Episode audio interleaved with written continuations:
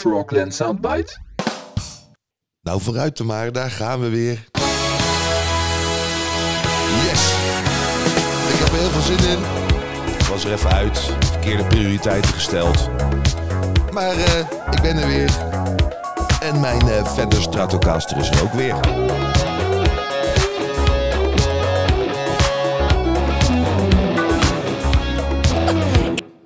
Eh, nou, goh, jeetje, wat een binnenkomer zeg.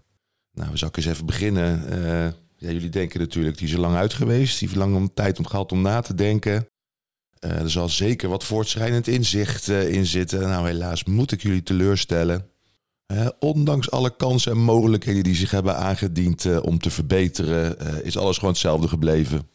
Maar gelukkig is dat de norm, dus ik hoef me ook weer niet al te veel zorgen te maken.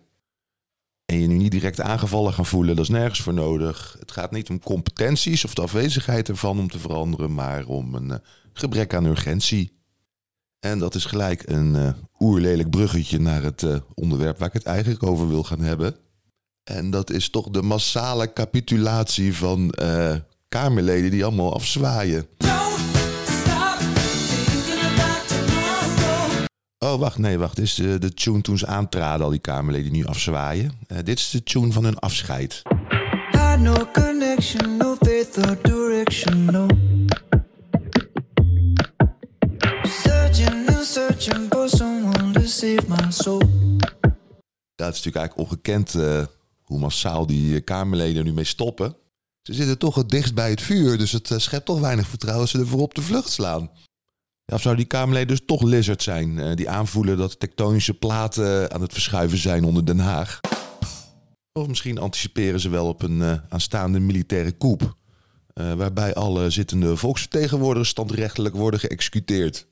En dan kun je nog roepen dat jij ook voorstander was van een nieuwe bestuurscultuur. Maar ik weet niet of ze daarin trappen hoor. Denk hoor, wie zou zo'n militaire coup kunnen plegen? Denken, nou sowieso Guy Verhofstadt. Maar die heeft gelukkig zelf geen leger en geen geld voor de Wagnergroep. eh, anders had hij het al lang gedaan. De stoottroepen van de FVD eh, zou ook kunnen natuurlijk. Die zijn niet vies van een eh, koepje meer of minder. Of misschien gefrustreerde, geradicaliseerde D66'ers... die hun vertrouwen in de democratie helemaal kwijt zijn. Want zo'n democratie geeft eigenlijk ook alleen maar ruimte... allemaal van die verkeerde, abjecte meningen. Of misschien een invasie van de Britten. Die kan schoon zien nu alle aandacht naar Oekraïne en Rusland uitgaat. Maar goed, het kan natuurlijk ook heel wat anders zijn waarom al die eh, Kamerleden weggaan. Ja, wat ook nog zou kunnen natuurlijk is dat eh, John de Mol met een nieuw format komt. Dat eh, alle, allemaal ex-Kamerleden in een huis worden gezet en met elkaar allerlei debatten en zo moeten voeren. En dat de kijkers dan mogen stemmen wie er eh, gewonnen heeft. De titel zou dan kunnen zijn: Vroeger was democratie heel gewoon, of zoiets dergelijks. En de winnaar mag dan van John de Mol EU-commissaris voor de media worden in Brussel. Oh, dan weet ik nog wel een goede naam. The Choice of Holland.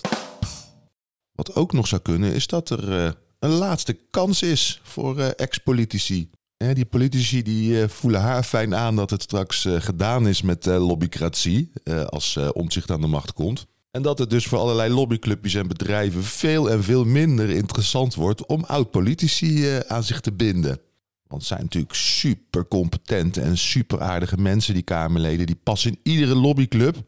Maar het gaat natuurlijk om hun eh, netwerk en hun inside information. You can't handle the truth. Ja, maar even voor mijn begrip. Het is toch zo dat als je nu stopt als Kamerlid, dat je dan wachtgeld krijgt? En als je na de verkiezingen stopt, eh, dat je dan geen wachtgeld krijgt? Ja, in dat geval zou ik ook het eh, stokje graag overgeven aan de nieuwe generatie. Hè, aan het jonge talent. Ja, Rob Jetten vindt zichzelf trouwens ook de nieuwe generatie.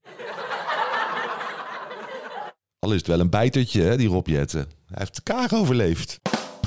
Dan is er nog één oorzaak waarom eh, zoveel parlementariërs er op dit moment de brui aan geven. Even los van eh, toeval. Want in de hedendaagse politiek zijn alleen in de beeldvorming dingen toeval.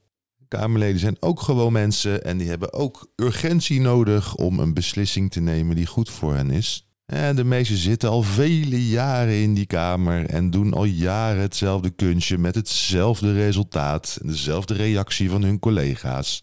Dat heeft natuurlijk een prettige, comfortabel, verdovende uitwerking. En zo blijf je lekker ronddobberen in het warme badje. eh, totdat het water wat kouder wordt en wat minder griefelijk wordt.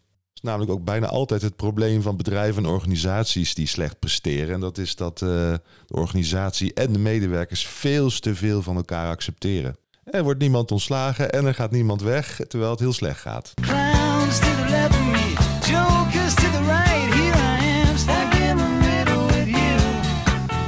Dat zou natuurlijk goed nieuws zijn, hè? dat er iets gaande is eh, waardoor de urgentie toeneemt om weg te gaan bij mensen die er eigenlijk al veel te lang zitten. Goed, is ook altijd even wachten eh, wie er voor in de plaats gaat komen. En we zijn natuurlijk zelf ook allemaal een beetje gewend geraakt aan al die gezichten. Maar goed, daar moeten we maar even overheen stappen. Stilstand is achteruitgang. Dit was hem tot volgende keer. Deze die zal sneller volgen dan deze, dat beloof ik.